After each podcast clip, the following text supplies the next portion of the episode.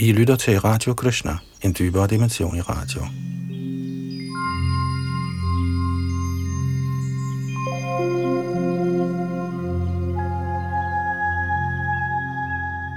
I bogen om Bhaktiens videnskab, hengivenhedens nektar, nåede vi sidste gang et stykke ind i kapitel 22, hvor Krishnas kvaliteter yderligere bliver forklaret. I 21. kapitel blev Krishnas 64 kvaliteter beskrevet og også uddybet, og i kapitel 22 fortsætter uddybelsen af disse kvaliteter og eksempler på dem. Og sidste gang nåede vi til og med kvalitet nummer 36, som handler om, at også Krishna kan udvise generthed. Bag mikrofon og teknik sidder Yadunandan Das, og vi fortsætter fra kvalitet nummer 37, beskytter af overgivende sjæle.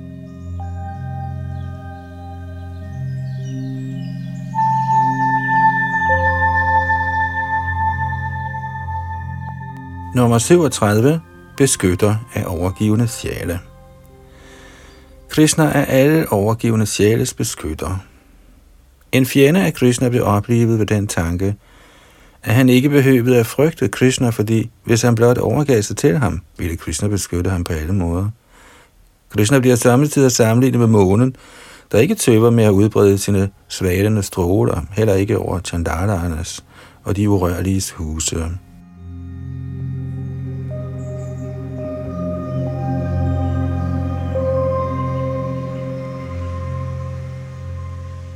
Nummer 38. Lykkelig. Den, som altid nyder og er uberørt af nogen som helst sorg, kaldes for lykkelig. Hvad angår Krishnas nydelse, bliver det udtalt, at de smykker, der prydede Krishnas og hans dronningers læmer, var hinsides drømmene af himlens skatmester Kuvera. Den konstante dans foran dørene til Krishnas paladser overgik de himmelske halvguders fantasi – i himmeriget ser Indra hele tiden selskabspigernes dans, men ikke engang Indra kunne forestille sig, hvor smukke de danseforestillinger var, der kunne ses ved portene til Krishnas paladser. Gauri betyder hvid kvinde, og Shivas hustru kaldes for Gauri. De smukke kvinder, der boede i Krishnas paladser, var så meget videre end Gauri, at de blev sammenlignet med måneskinnet, og de var hele tiden synlige for Krishna. Derfor kan ingen nyde mere end Krishna. Forestillingen om nydelse er smukke kvinder, smykker og rigdomme. Alt dette var på fabelagtig vis til stede i Krishnas paladser, hvilket ikke engang Kuved, Indra eller Shiva havde fantasi til at forestille sig.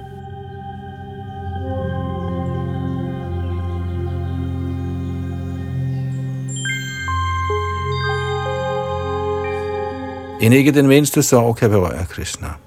En gang gik nogle af gopierne hen til det sted, hvor braminerne var i færd med deres afra og sagde, Kære braminhustruer, I skal vide, at end ikke den mindste sorg kan ramme Krishna. Han kender hverken til tab, ærekrænkelse, frygt eller ulykker. Han omgiver sig blot med Vrajas inder og nyder deres selskab i rasedansen.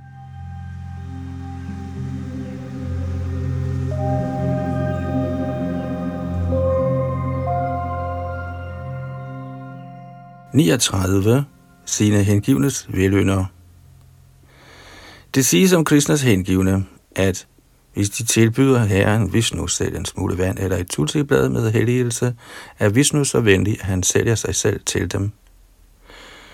Krishnas forkærlighed for sine hengivne kom til udtryk i hans kamp med Bhishma. Da bedstefar Bhishma lå på sit dødsleje af pile, var Krishna til stede foran ham, og Bhishma huskede den venlighed, Krishna havde vist ham på slagmarken. Krishna havde lovet, at han under Kuruksetas slag ikke ville røre et våben for at hjælpe nogen af siderne. Han ville forholde sig neutral.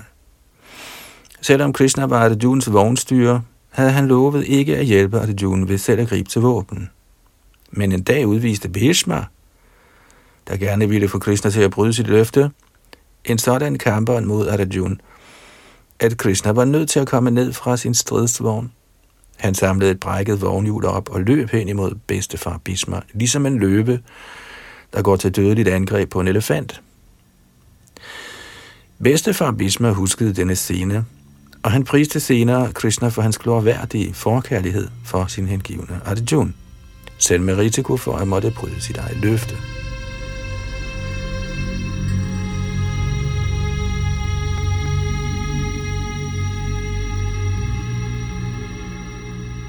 Nummer 40.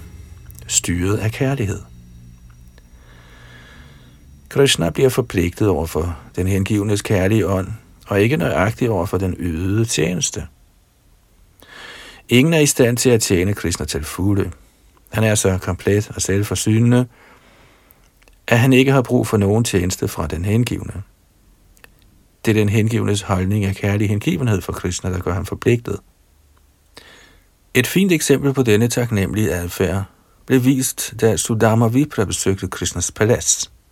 Sudama Vipra havde været en af Krishnas klassekammerater, og på grund af sin fattigdom blev han tilskyndet af sin hustru til at opsøge Krishna for at bede om lidt bistand.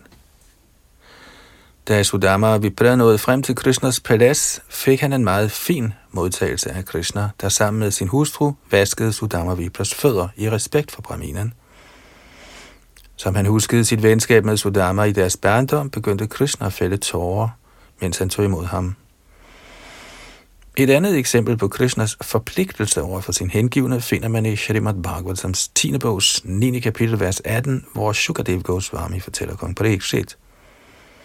Jeg citerer, Kære konge, da mor Yashoda begyndte at transpirere af udmattelse, da hun forsøgte at binde Krishna med ræb, gik Krishna ind på at lade sig binde af hende. Citat slut. Som barn forstyrrede Krishna sin mor med sine uartige numre, og hun ønskede at binde ham. Mor Yashoda hentede noget reb inden fra huset af, og forsøgte at binde drengen. Men hun kunne ikke få bundet enderne sammen, fordi rebet var for kort. Hun splejsede flere reb sammen, men alligevel endte rebet med at være for kort. Efter nogen tid blev hun træt og begyndte at svede. På det tidspunkt gik Krishna ind på at lade sig binde af sin mor. Med andre ord kan ingen binde Krishna med andre midler end kærlighed. Han bindes alene af taknemmelighed over for sine hengivner, på grund af deres ekstatiske kærlighed til ham.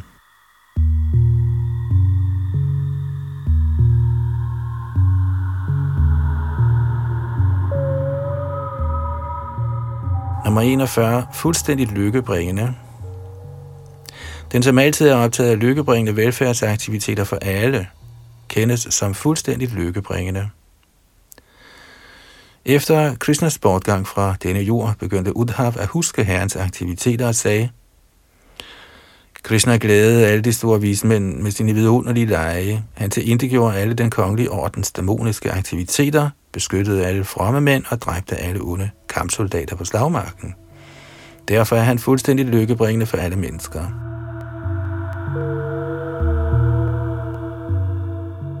Nummer 42. Yderst magtfuld. Den, som til enhver tid kan bringe sin fjende i vanskeligheder, kaldes for magtfuld. Da Krishna var her på jorden, ville han, ligesom solen driver mørket ind i grotter, for at drive alle sine fjender, der flygtede ligesom uler for at søge ly, hinsides hans syn. Nummer 43. Berømt. Den, som bliver kendt for sin pletfri karakter, kaldes for berømt. Det udtales, at Krishnas berømmelse breder sig ligesom måneskinnet, der forvandler mørke til lys. Hvis med andre ord Krishna bevidsthed bliver forkyndt over hele verden, vil uvidenhedens mørke og den materielle tilværelses bekymringer blive forvandlet til renhedens, fredens og trivselens hvide lys. Da storvismand Narada sang herrens pris, forsvandt den blå streg på Shivas hals.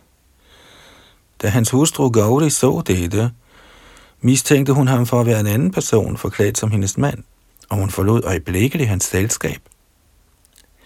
Da herren Balaram hørte lovsangen af Krishnas navn, opdagede han, at hans tøj var blevet hvidt, selvom han ellers plejer at være iført en blå klædning.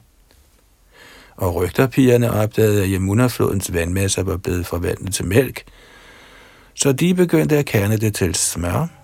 Med andre ord blev alting hvidt og rent ved udbredelsen af Krishna-bevidsthed eller Krishnas herligheder.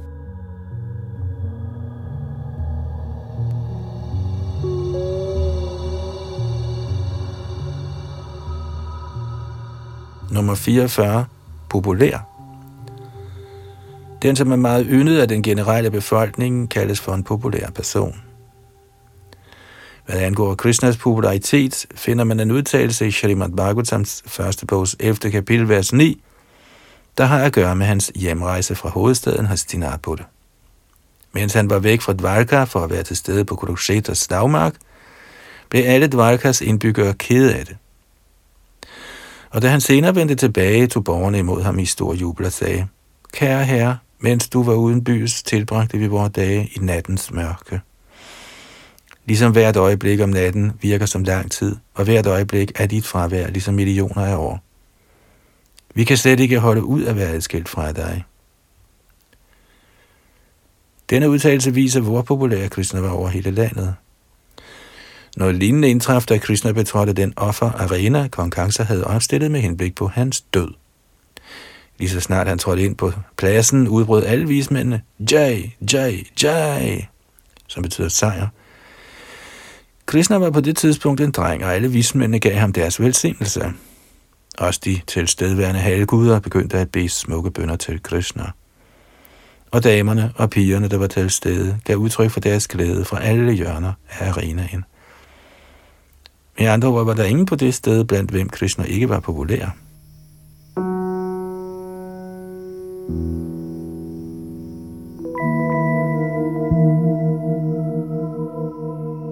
Nummer 45. Ønder de hengivne. Selvom Krishna er guddommens højeste person, og af denne grund ikke ynder nogen bestemt person, udtaler Bhagavad Gita, at han er særligt tiltrukket af den hengivne, der tilbyder hans navn med kærlighed og hengivenhed. Da Krishna var til stede her på planeten, gav en af de hengivne udtryk for sine følelser på følgende måde. Citat. Kære herre, hvis ikke du var kommet til denne jord, ville asuraerne, altså dæmonerne, utvivlsomt have forvoldt problemer for de hengivnes aktiviteter. Jeg kan umuligt forestille mig omfanget af den ødelæggelse, din tilstedeværelse har forhindret. Citat slut. Helt fra begyndelsen af sin fremkomst var Krishna den største fjende af alle dæmoniske personer, selvom Krishnas fjendskab overfor dæmonerne egentlig kan sammenlignes med hans venskab med de hengivne. Dette skyldes, at enhver dæmon Krishna dræber straks opnår udfrielse.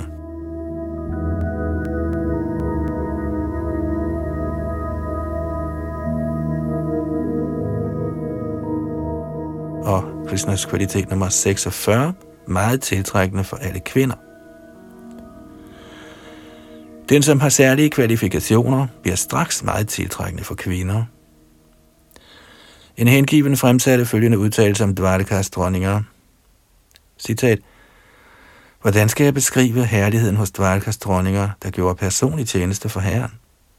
Herren er så stor, at mægtige vismænd som Narada kan yde transcendental lyksalighed ved blot at synge hans navn.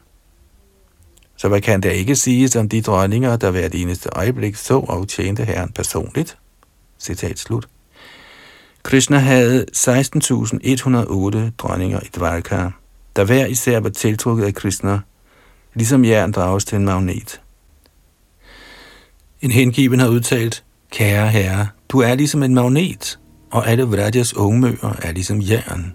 Lige meget i hvilken retning du bevæger dig, følger de efter dig, ligesom jern tiltrækkes af magnetisk kraft.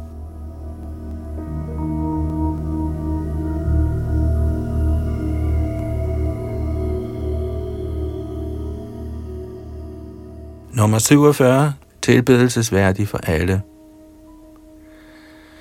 En person, som respekteres og tilbedes af alle slags mennesker og halvguder, kaldes for Sarvaradhya, eller tilbedelsesværdig af alle. Krishna bliver ikke kun tilbedt af alle levende væsener herunder de mægtige halvguder såsom Shiva og Brahma, men også af Vishnu-udvidelser, det vil sige former af den højeste Gud, såsom Baldev og Shesh. Baldev er Krishnas direkte udvidelse, men alligevel opfatter han Krishna som værdig hans tilbedelse. Da Krishna trådte ind på arenaen af Maharaj Yudhishthires Raj Suya offer, blev Krishna til midtpunktet for alles tiltrækning, og enhver viste ham respekt.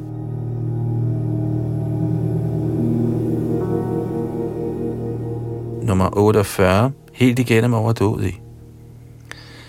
Krishna er fuldkommen i alle overdådigheder, nemlig styrke, rigdom, berømmelse, skønhed, viden og forsagelse.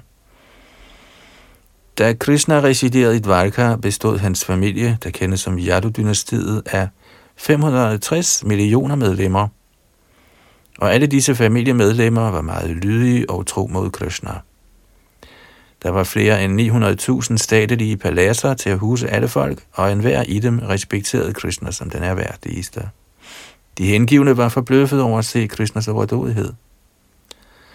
Dette bliver attesteret af Bilva Mangal Thakur, i det han i Krishna Karanamrit tiltaler Krishna således. Kære herre, hvad kan jeg sige om den overdådighed, der præger dit Vrindavan? Alene smykkerne om benene på Vrindavans unge møer er mere end Chintamani, og deres påklædning er på højde med himlens parijata-blomster, og køerne ligner nøjagtigt den transcendentale verdens surabikøer. Derfor er de en overdådighed ligesom et ocean, som ikke kan måles af nogen.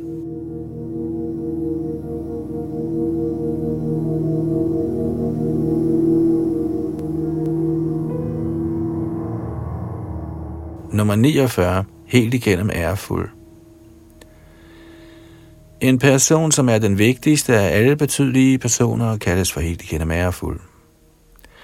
Da Krishna boede i Dvarka, plejede halvguder såsom Shiva, Brahma, himlens kongerinde og mange andre at komme på besøg hos ham. Dørvogteren, der måtte holde styr på alle disse halvguders entré, sagde en travl dag, Kære herre Brahma og herre Shiva, venligst sæt dem ned på denne bænk og vent. Kære herre Indra, vil de være så yderst elskværdige ikke at recitere deres bønder, de til sjæne. Vær venlig at vente i stillhed. Min kære herre Varuna, gå venligst deres vej, og kære halvguder, I skal ikke spille jeres tid til ingen nytte. Krishna har meget travlt, han kan ikke mødes med jer.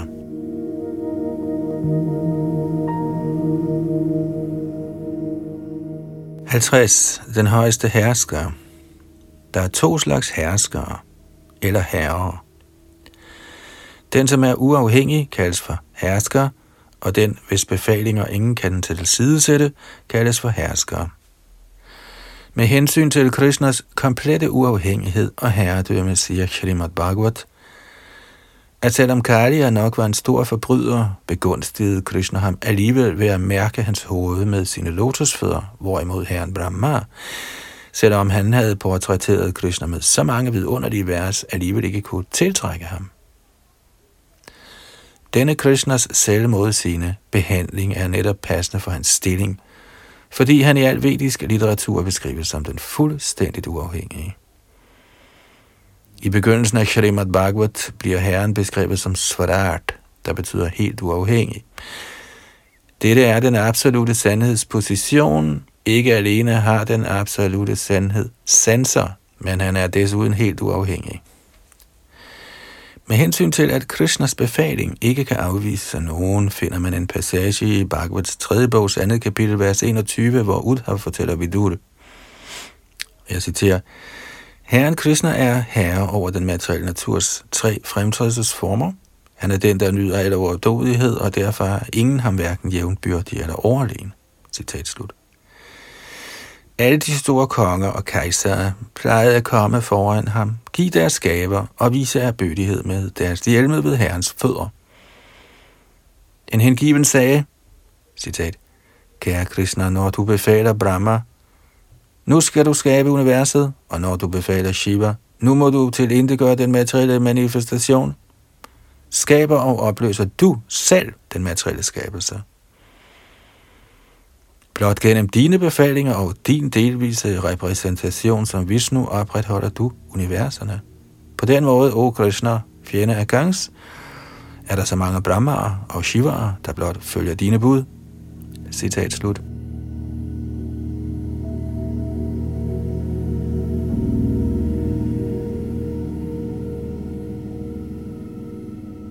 Nummer 51. Uforanderlig.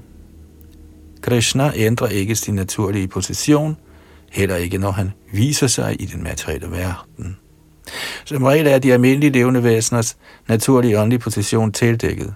De fremstår i forskellige kroppe, og underlagt varierende læmelige livsopfattelser handler de. Men Krishna udskifter ikke sin krop. Han fremstår i sin egen krop, og er derfor ikke det mindste påvirket af den materielle naturs kvaliteter. Det praktiske eksempel herpå er, at de hengivne, der står under herrens beskyttelse, heller ikke påvirkes af den materielle natur. At overgå den materielle naturs indflydelse er meget vanskeligt, men de hengivne eller de hellige personer, der står under Herrens beskyttelse, er ikke påvirket. Så hvad behov er der for at tale om Herren selv? For at tydeliggøre, selvom Herren under tiden viser sig i den materielle verden, har han intet at gøre med den materielle naturs fremtrædelsesformer, og han handler med fuld uafhængighed i sin transcendentale position. Det er Herrens særlige kvalitet.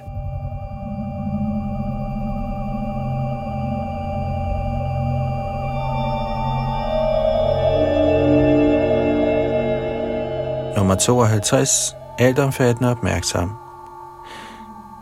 Den, som kan forstå følelserne hos alle personer, og hvad der sker alle steder til alle tider, kaldes for altomfattende opmærksom. Et fint eksempel på herrens kvalitet af altomfattende opmærksomhed bliver givet i Srimad Bhagavatams første bogs 15. kapitel, vers 11, i forbindelse med Durvasa Munis besøg i Pandavarnas hus i skoven. Ifølge en udtænkt plan havde Duryodhan bedt Durvasa Muni og hans 10.000 disciple om at gæste Pandavarerne i skoven. Duryodhan havde sørget for, at Durvasa og hans mænd nåede frem til Pandavarernes sted, netop som de havde afsluttet deres frokost, således at Pandavarerne ikke ville have nok mad til at bespise et så stort antal gæster. Opmærksom på Duryodhans plan opsøgte Krishna Pandavarerne og spurgte deres hustru Draupadi, om der var noget mad tilbage, hun kunne servere for ham. Draupadi viste ham et kar, hvor der kun var en ubetydelig rest af en grøntsag, og Krishna spiste den med det samme. På det tidspunkt var alle vismændene, der ledsagede Durvasa, optaget af deres bad i floden, og da Krishna følte sig mæt ved at have spist Draupadis mad, blev også de mætte, og deres sult var væk. Fordi Durvasa og hans følge ikke kunne spise mere, gik de deres vej uden at komme ind i Pandavarnes hus. På den måde blev pandabarnet reddet fra Durvasas fred. Duryodhan havde sendt dem, fordi han vidste, at når Pandavarne ikke kunne tage imod et så stort antal, ville Durvasa blive vred og forbande Pandavarne. Men Krishna reddede dem fra denne ulykke med sit knep og sin altomfattende opmærksomhed.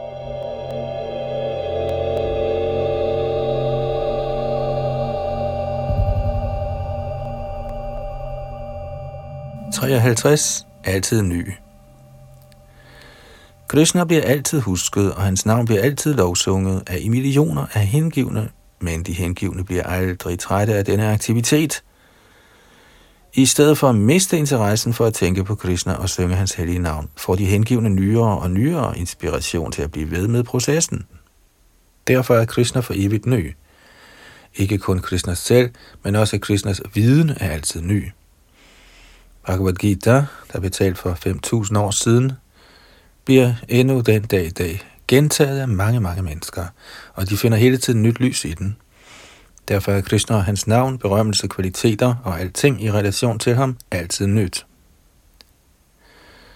Alle Dvarakas dronninger var lykkegudiner. Shrimad Bhagavatams første bogs 11. kapitel, vers 33 udtaler, at lykkegudinderne er meget skiftende og restløse, og derfor kan ingen holde dem rigtig fanget. Således vil ens held altid skifte af og til. Alligevel var lykkegudinderne ude af stand til at forlade Krishna i selv et øjeblik, mens de boede sammen med ham i Dvarka. Det betyder, at Krishnas tiltrækningskraft er for evigt ny. Ikke engang lykkegudinderne kan forlade hans selskab. Hvad angår Krishnas tillokkende træk som værende for evigt nye, finder man en udtalelse fra Radharani i Lalit Madhav, hvor Krishna bliver sammenlignet med den bedste billedhugger, fordi han er specialist i at mejsle på kvinders kyskhed. Med andre ord, selvom kyske kvinder nok overholder de vediske princippers regler og forskrifter for altid at være deres mænd tro, er Krishna i stand til at bryde deres stenhårde kyskhed med mejslen af sin skønhed. De fleste af Krishnas veninder var gift, men fordi Krishna var deres ven, før de blev gift, kunne de umuligt glemme hans tillokkende træk, der konstant fascinerede dem, også efter de var blevet gift.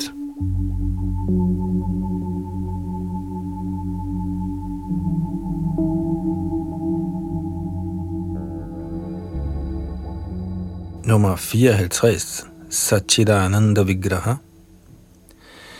Krishnas transcendentale krop er evig, fuld af viden og lyksalighed. Sat betyder for evigt eksisterende til alle tider på alle steder. Med andre ord, alt gennemtrængende i tid og rum. Chit betyder fuld af viden. Krishna har ikke brug for at lære noget af nogen. Han er uafhængigt fuld af al viden. Ananda betyder reservoiret for al glæde.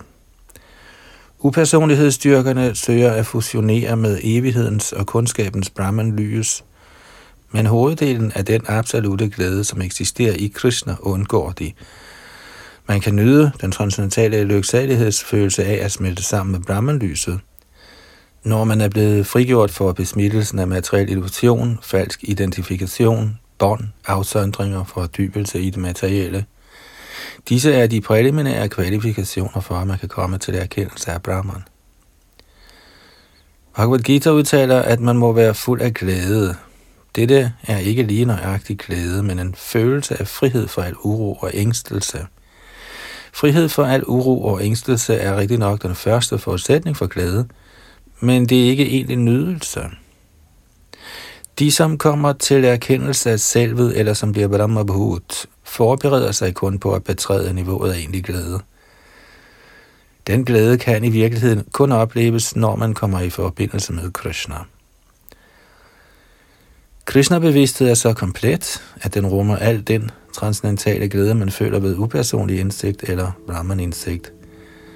Selv upersonlighedsdyrkeren tiltrækkes af Krishnas personlige form, der kendes som Sham Sundar.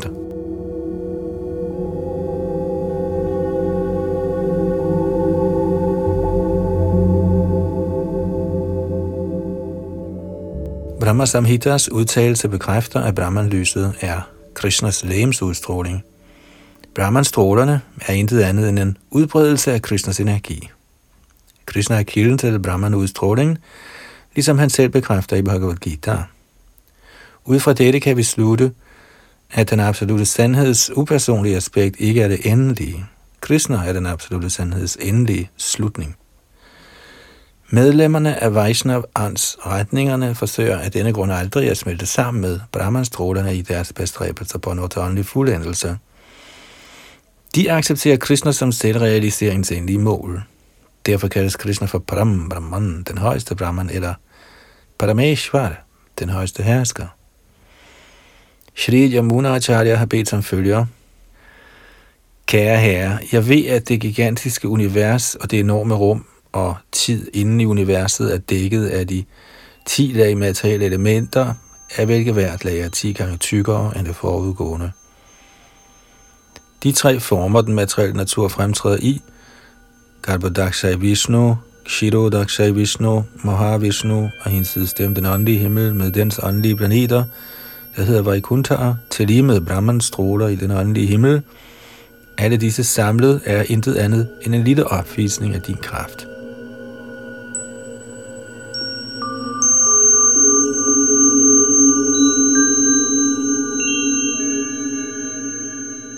...55 i besiddelse af al mystisk fuldendthed.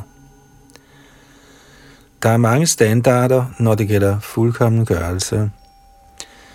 De højeste materielle fuldendtheder, de perfekte yogier opnår, er af otte slags. At blive mindre end det mindste, at blive den største af de store, osv. Alle disse færdigheder, såvel som enhver åndelig fuldkommengørelse, kan findes til fuld i Kristens person. Nummer 56. Krishnas ufattelige energier. Krishna er til stede overalt, ikke alene i universet, ikke alene i hjerterne på alle de levende væsener, men også inden i hvert eneste atom. I dronning Kuntis bønder finder vi en omtale af denne Krishnas ufattelige energi. Mens Krishna talte med Kunti, trængte han på samme tid ind i livet på Udra, der befandt sig i fare på grund af Ashwathamas atomvåben.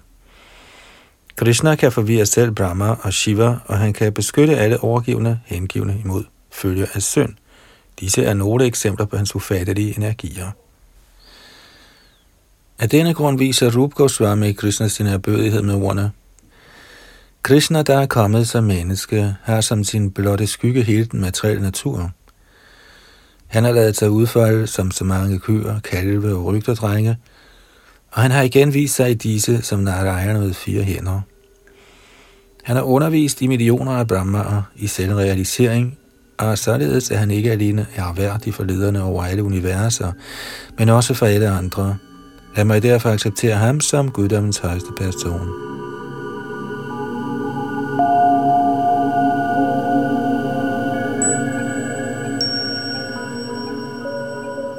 Da Indra blev overvundet af Krishna i forbindelse med fjernelsen af himlens parijat plante, kom Narad på besøg hos Indra og kritiserede ham.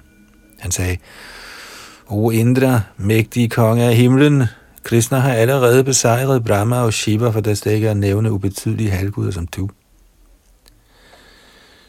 Narad Muni udtalte selvfølgelig denne kritik i et spøgende lune, og Indra nød det.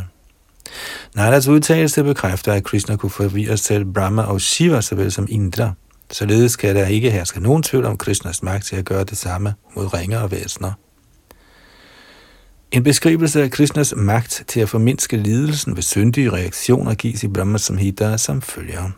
Jeg citerer.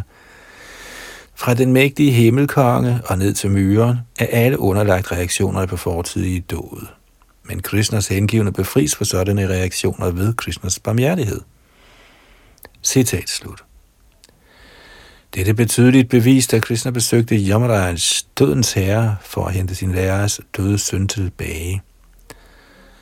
Krishnas lærer havde anmodet Krishna om at hente hans døde søn tilbage, og i dette øjemed rejste Krishna til Yamarajas sted for at gøre krav på denne sjæl, som var blevet bragt dertil af Yamaraj, og beholdt under hans kontrol. Krishna befalede straks Yamaraj, Bliv begunstiget ved min befaling og giv denne sjæl tilbage til mig. Betydningen af denne hændelse er, at selv den, som er underlagt den materielle naturs regulerende principper, og som således er strafbar af Yamaraj under disse love, kan ydes komplet immunitet ved Krishnas nåde.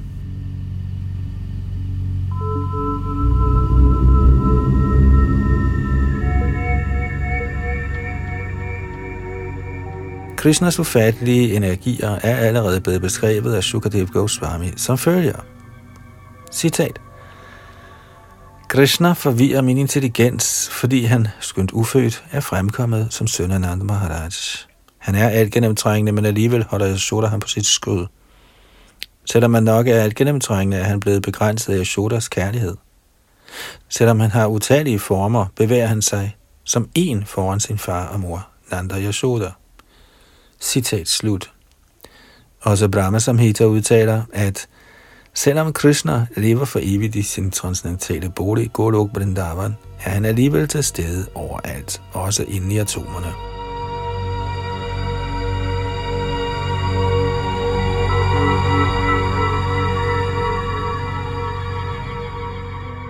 ...57.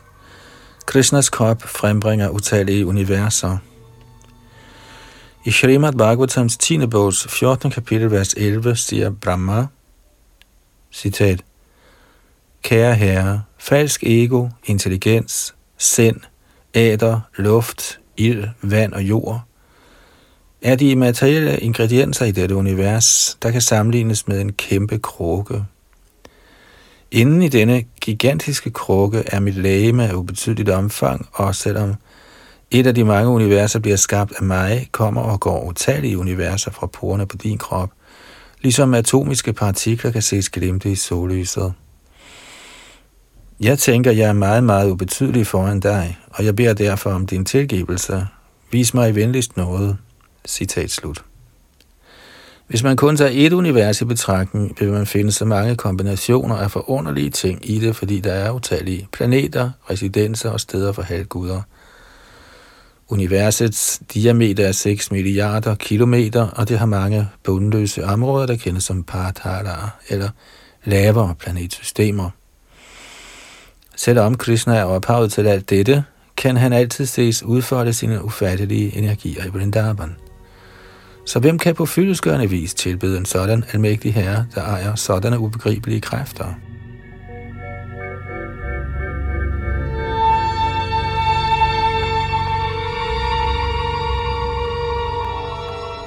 58. Alle inkarnationers oprindelige kilde. I sin Gita Govinda har Jayadev Goswami sunget følgende. Citat. Herren har frelst viderne i skikkelse af en fisk, og han har båret hele universet på sin ryg i skikkelse af en skildpadde.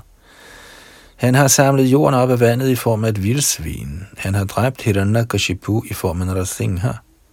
Han har snydt Maharaj Bodhi i form af varmen. Han har udslettet alle kshatriya-dynastierne i form af Parashuram. Han har dræbt alle dæmonerne i form af herren Ram. Han har accepteret den gevaldige plov i form af Balaram. Han har udslettet de ateistiske personer i form af Kalki, og han har reddet alle de stakkelsdyr i form af herren Buddha. Citat slut. Disse er nogle af beskrivelserne af de inkarnationer, der udgår fra Krishna, og fra Bhagavad forstås det, at utallige inkarnationer ustandsligt kommer ud af Krishnas krop, ligesom oceanets bølger. Ingen er i stand til endda at tælle, hvor mange bølger der er, og ligeledes kan heller ingen tælle, hvor mange inkarnationer, der kommer ud af Herrens krop.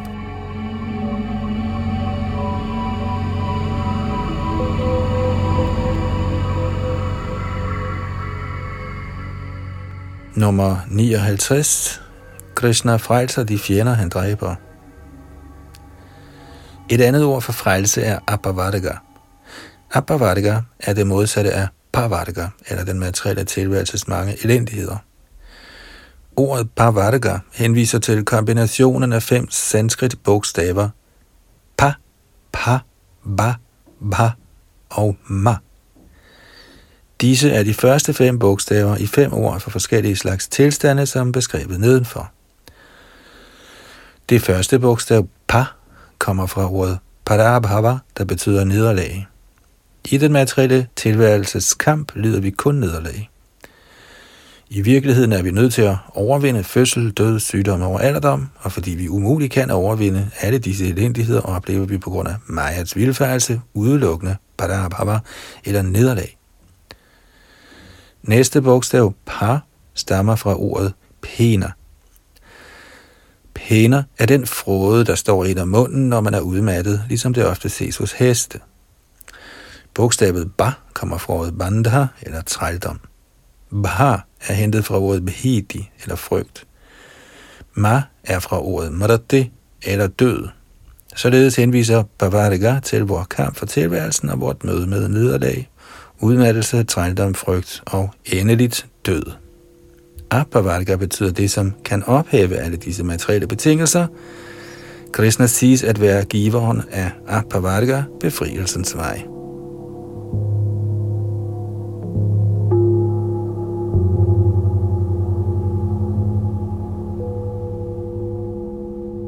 For upersonlighedsfilosoferne og Krishnas fjender betyder befrielse at smelte sammen med den højeste. Dæmoner og upersonlighedsfilosofer er ligeglade med Krishna, men Krishna er så venlig, at han skænker denne befrielse selv til sine fjender og upersonlighedsdyrkerne. I den forbindelse finder man følgende udtalelser. Citat. O Murari Krishna, hvor er det fantastisk, at selvom dæmonerne, der altid misunder halvguderne, er mislykkes med at trænge ind i din militærfalangs, er de trængt ind i Mitras egen, solkloden. Citat slut. Ordet Mitra bliver brugt metaforisk. Mitra betyder solkloden, og Mitra betyder også ven. Dæmonerne, der har forholdt sig til Krishna som fjender, ville gerne trænge ind i hans militære falangs, men i stedet for at gøre det, døde de i kampen, og som følge heraf trængte de ind i Mitras planet. Med andre ord trængte de ind i Brahmans stråler. Eksempel med solplaneten gives her, fordi solen er for evigt oplysende, ligesom den åndelige himmel, hvor der er utallige oplysende Vaikuntha-planeter. Krishnas fjender blev dræbt, og i stedet for at trænge ind i Krishnas militære falangs, trængte de ind i de åndelige strålers venlige atmosfære. Sådan er Krishnas barmhjertighed, og derfor kendes han også som sine fjenders frelser.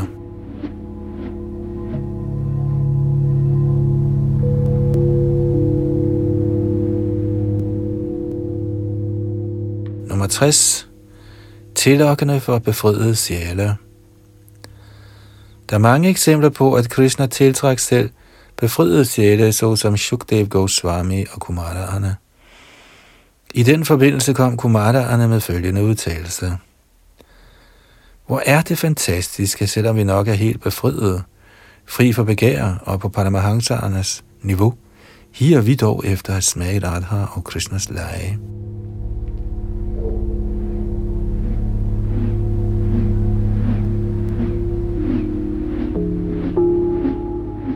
Og så kommer vi til de fire sidste, som er unikke for Krishna i hans oprindelige Krishna-skikkelse. Nummer 61. Udfører vidunderlige aktiviteter. I Brihad Purana siger herren, citat, Selvom jeg har mange fascinerende lege, bliver jeg, når som helst jeg tænker på deres lilaen, som jeg nyder sammen med gopierne, ivrig efter at gentage den. Citat slut. En hengiven har sagt, jeg er bekendt med Narayana, lykkegudindens ægte mand, og jeg kender også mange andre af herrens inkarnationer. Alle disse inkarnationers lege lokker utvivlsomt mit sind, men alligevel øger den ras lila, Herren Krishna selv udfører på forunderlig vis min transcendentale glæde.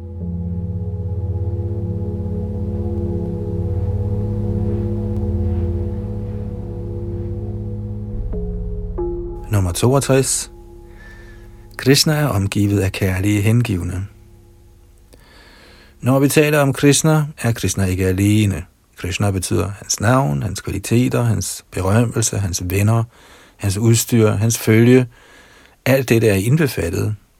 Når vi taler om en konge, skal det forstås, at han er omgivet af ministre, sekretærer, militære herrefører og mange andre folk. Ligeledes er Krishna ikke upersonlig. Især i sin Vrindavan er han omgivet af gode pigerne, rygterdrengene, sin far, sin mor og alle de øvrige af Vrindavans indbyggere. I Srimad Bhagavatams 10. bogs 31. kapitel, vers 15, beklager gopierne, citat, Kære Krishna, om dagen, når du tager i Vrindavans skov sammen med dine køer, føles hvert øjeblik som 12 år, og vi kan næsten ikke få tiden til at gå. Og når du så vender tilbage ved dagens slutning, bliver vi så tiltrukket af dit smukke ansigt, at vi slet ikke kan holde op med at se på dig hele tiden. Og når vores øjenlåg på disse tidspunkter er til blinker, bebrejder vi skaberen, Herren Brahma, at han er et fag, der ikke ved, hvordan man laver ordentlige øjne. Citat slut. Med andre ord var gopierne forstyrret over deres blinkende øjne, fordi de i det øjeblik øjnene var lukket, ikke kunne se Krishna. Dette betyder, at gopiernes kærlighed til Krishna var så mægtig og ekstatisk, at de blev forstyrret over selv et øjeblik af hans fravær. Og når de så Krishna, var de også forstyrret. Dette er et paradoks.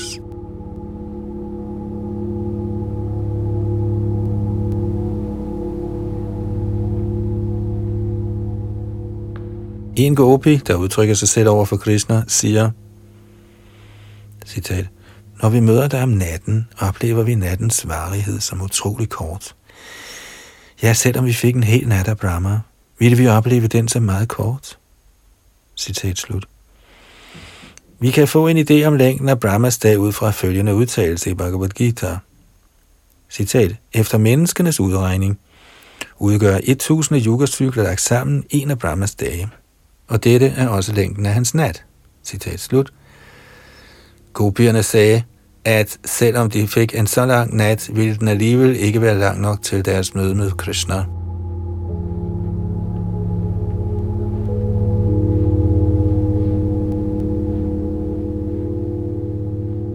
Nummer 63. Krishnas lokkende fløjte. I Srimad Bhagavatams 10. bog, kapitel 35, vers 15, fortæller gopierne mor Jashoda, citat, når din søn spiller på sin fløjte, bliver Shiva, Brahma og Indra, der angiveligt er de største af de lærte, alle sammen bragt ud af fatning. Selvom de er magtfulde personligheder, bøjer de sig ned på lyden af Krishnas fløjte, og de bliver fulde af alvor ved at studere denne svingning. Citat slut. I sin bog, Vidagda Madav, beskriver Rup Goswami lyden af Krishnas fløjte således. Citat. Den lyd, Krishnas fløjte laver, fik på forunderlig vis Shiva til at holde op med at spille på sin din tromme, og samme fløjte har gjort mægtige vismænd, såsom de fire kumarer, forstyrret i deres meditation. Den har fået herren Brahma, der sad på lotusblomst med henblik på skabelsesfunktionen til at forbløffes. Og Anandadev, der stilfærdigt holdt alle planeterne på sit hoved, bevægede sig frem og tilbage på grund af den transcendentale lyd af Krishnas fløjte, der gennemtrængte universets dække og nåede til den åndelige himmel. Citat slut.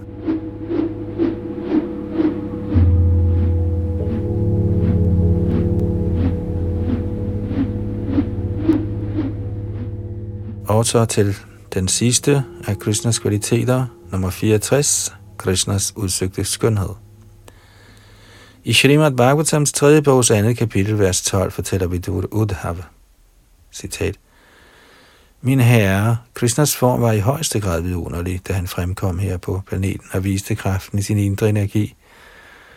Hans forunderligt tillokkende skikkelse var til stede under hans leje på denne jord, og ved sin indre energi gav han udtryk for sine overdådigheder, der slår alle med forundring. Hans personlige skønhed var så slående, at han ikke havde brug for at dekorere sin krop. Ja, snarere end at smykkerne forskyndede Krishna, var det Krishna, der forskyndede smykkerne. Citat slut. Angående Krishnas tillokkende lægemstræk og lyden af hans fløjte, tiltaler gopierne Krishna i Srimad Bhagavatams 10. bogs 29. kapitel, vers 40, som følger. Citat. Selvom vores holdning overfor dig ligner kærlighedsaffære med en elsker, kan vi ikke andet end undre os over, hvordan nogen som helst kvinde kan fastholde sin renhed, når hun hører lyden af din fløjte. Og ikke blot kvinder, men selv standhaftige mænd falder fra deres position ved lyden af din fløjte. Ja, faktisk har vi set, at i Vrindavana selv køerne, hjorterne, fuglene og træerne, ja, alle blevet troldbundet af din fløjtes livlige svingning og den fascinerende skønhed ved din person. Citat slut.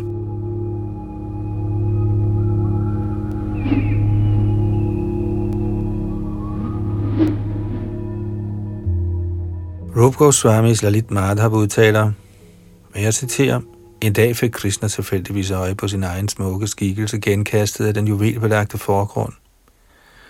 Ved synet af denne læmelige genspejling gav han udtryk for sine følelser. Hvor er det altså forunderligt, men aldrig før har jeg set en så dejlig form. Selvom den er min egen, forsøger jeg, ligesom Radharani, at omfavne denne form og nyde himmelsk lykke. Citat slut. Denne udtalelse viser, hvordan Krishna og hans genspejling er en og samme ting. Der er ingen forskel på Krishna og hans genspejling, og heller på Krishna og hans billede. Det er Krishnas transcendentale stilling. Ovenstående udtalelser beskriver nogle af de vidunderlige reservoirer af glæde inde i Krishna, såvel som hans persons transcendentale kvaliteter. Krishnas transcendentale kvaliteter sammenlignes med oceanet. Ingen kan måle dets længde og bredde. Men ligesom man kan konstatere oceanets indhold ved at analysere en dråbe af det, vil ligeledes disse udtalelser yde os nogen forståelse af Krishnas transcendentale stilling og kvaliteter.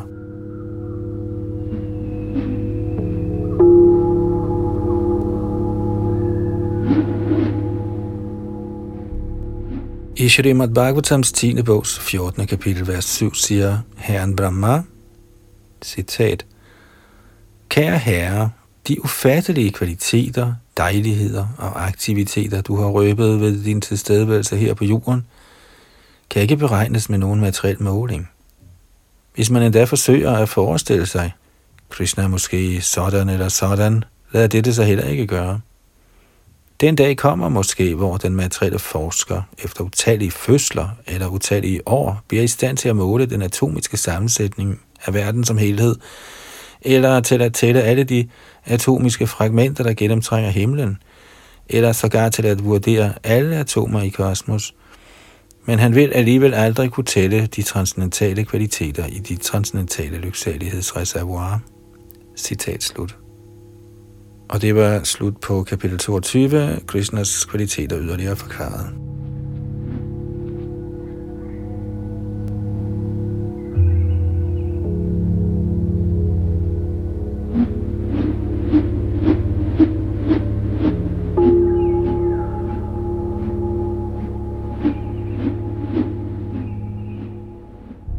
Hengivenhedens nektar, kapitel 23, Krishnas personlighed.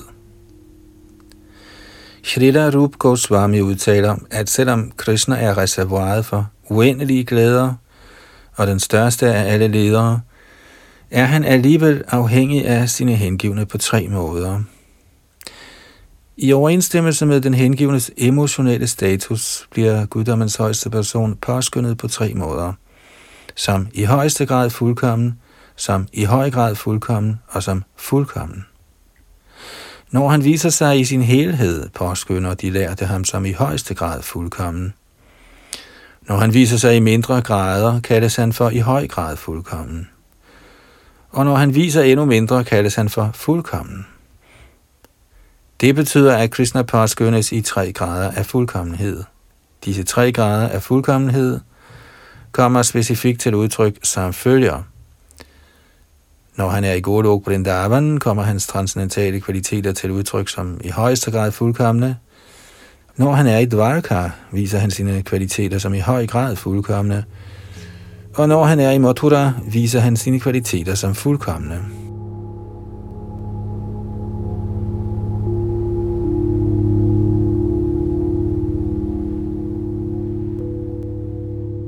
Krishnas personlighed analyseres som Dhiro Dat, Dhira Lalit, Dhira Prashanta og Dhira Odhat.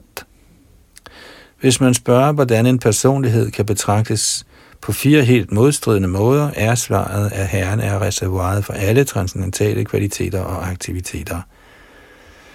Derfor kan hans forskellige aspekter analyseres alt efter fremvisningen af hans endeløse variationer af leje, og som sådan er der ingen modsigelse. Og så kommer der altså en beskrivelse af disse her fire typer af personlighedstræk. Dat. En Dat er en person, som er natur er meget alvorsfuld, mild, fordragelig, barmhjertig, beslutsom, ydmyg, højt kvalificeret, ridderlig og fysisk tiltrækkende. I den forbindelse er følgende udtalelse fra himlens konginde meget betydningsfuld. Han siger, Kære herre, jeg indrømmer, at jeg har begået alvorlige forseelser mod dig, men jeg er ude af stand til at give udtryk for min anger, fordi jeg forvirres ved synet af din usædvanlige ridderlighed din bestræbelse på at beskytte dine hengivne, din beslutsomhed, din fasthed i hævelsen af den mægtige Govardhanhøj, dine smukke lamstræk og din forbløffende kvalitet af at glædes over de blotte bønder fra dine hengivne og lovovertrædere.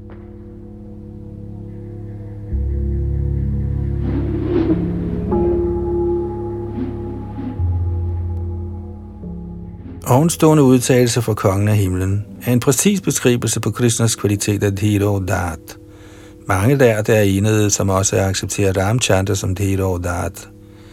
Men alle herren Ramchandras kvaliteter er også til stede i Krishnas karakter.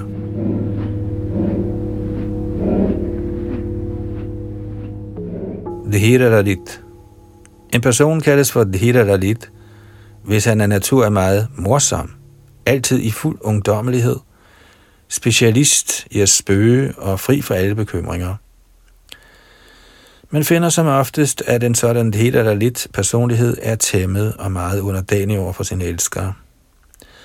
Dette træk af helt eller lidt i Krishnas personlighed bliver beskrevet af Yagyapatni, hustruen til en af braminerne, der udførte ofre i Vrindavan. Hun fortæller sine veninder, citat, en dag slappede Srimati Radharani og hendes veninder af i hendes have, og på det tidspunkt dukkede Shri Krishna op i forsamlingen.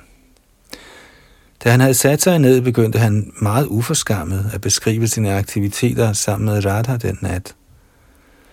Mens han talte på den måde, blev Radharani enormt flov. Hun skammede sig og blev meget tankefuld, og Krishna benyttede lejligheden til at dekorere hendes bryster med forskellige slags tilak. Krishna viste sig at være specialist i den kunstart. Citat slut. På den måde nød Krishna som det hele lidt sine ungdommelige tilbøjeligheder i selskab med gopierne. Som regel vælger de, som er gode til at skrive drama, at kalde Amor for den ideelle Dhira Lalit, men vi kan i endnu højere grad finde alle karaktertræk ved Dhira Lalit i Krishnas personlighed.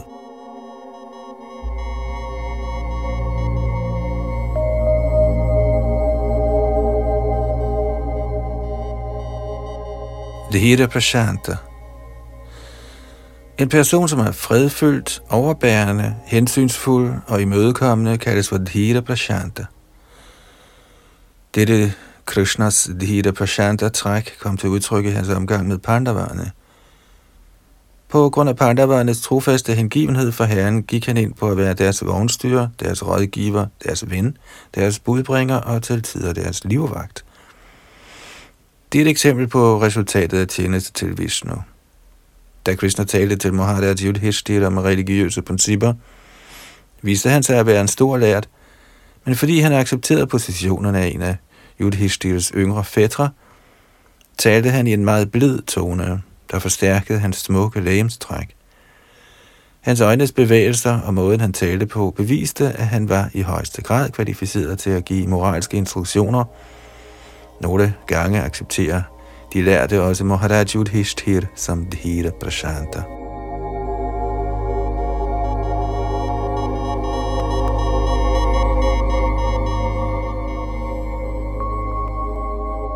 Dhirodhat En person, som er meget misundelig, stolt, irritabel, restløs og selvglad, kaldes af de lærte for Dhirodhat. Sådanne kvaliteter kunne ses i Herren Krishnas karakter – fordi da han skrev et brev til Kalajavan, kaldte Krishna ham for en syndig frø. I sit brev rådede Krishna Kalajavan til straks at opsøge en mørk brønd til at gemme sig i, eftersom en sort slange ved navn Krishna var vældig ivrig efter at sluge alle syndige frøer. Krishna mindede Kalajavan om, at han kunne forvandle alle universerne til aske med sit blotte blik. Ovenstående udtalelse fra Krishna kan forekomme at være af en misundelig natur, men i overensstemmelse med forskellige aktiviteter, steder og tidspunkter bliver denne kvalitet accepteret som en god egenskab. Krishnas Dhirodhat kvaliteter er blevet accepteret som storslået, fordi Krishna kun bruger dem til at beskytte sine hengivne med. Med andre ord kan selv mindre heldige karaktertræk bruges i udvekslingen af hengiven tjeneste. Samtidig bliver Bhim, den anden af Pandava-brødrene, også beskrevet som Dhirodhat.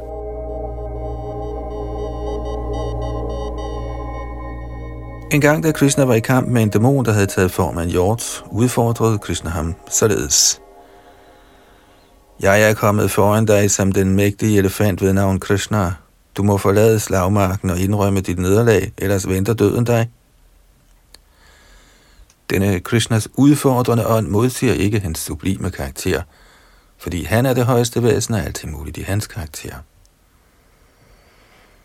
En fin udtalelse står at finde i Kulma Purana om disse guddommens højeste persons modsigende karaktertræk.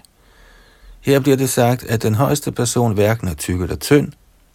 Han er altid transcendental til materielle kvaliteter, og alligevel er hans lød sort. Hans øjne er rødlige, han er almægtig, og han er berøvet med enhver art overdådighed.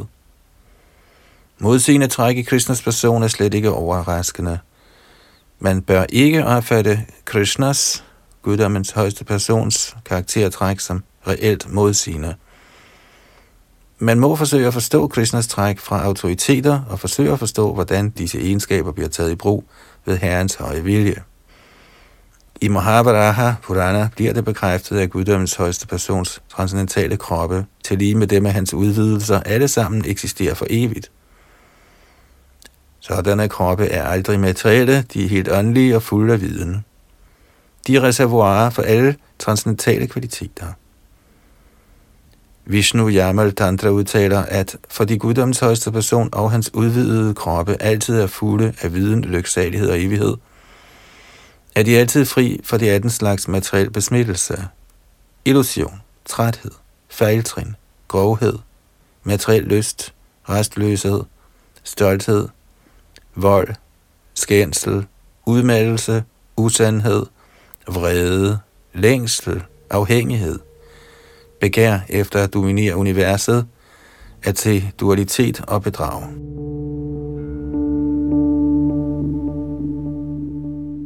Angående alle de ovenstående udtalelser forstås det, at Mahavishnu er kilden til alle den materielle verdens inkarnationer. Men ved sin større, usædvanlige overdådighed forstår vi, at Nand Maharajas søn også er kilden til Mahavishnu. Brahma Samhita bekræfter dette med udtalelsen, Lad mig vise min erbødige respekt for Govinda, hvis delvise repræsentation er Mahavishnu. Mahavishnus enorme skikkelse er kilden til fremkomsten af utallige universer. Utallige universer kommer frem med hans udånding, og de samme universer vender tilbage ind sammen med hans indånding. Denne Mahavishnu er en fuldstændig del af en del af Krishna. Og det var så slut på kapitel 23, Krishnas personlighed. Og her holder vi så for denne ombæring. Næste gang handler det om yderligere karaktertræk hos Shri Krishna, og det er altså kapitel 24 her i hengivenhedens nektar. Bag mikrofon og teknik sad Yadunandan Das.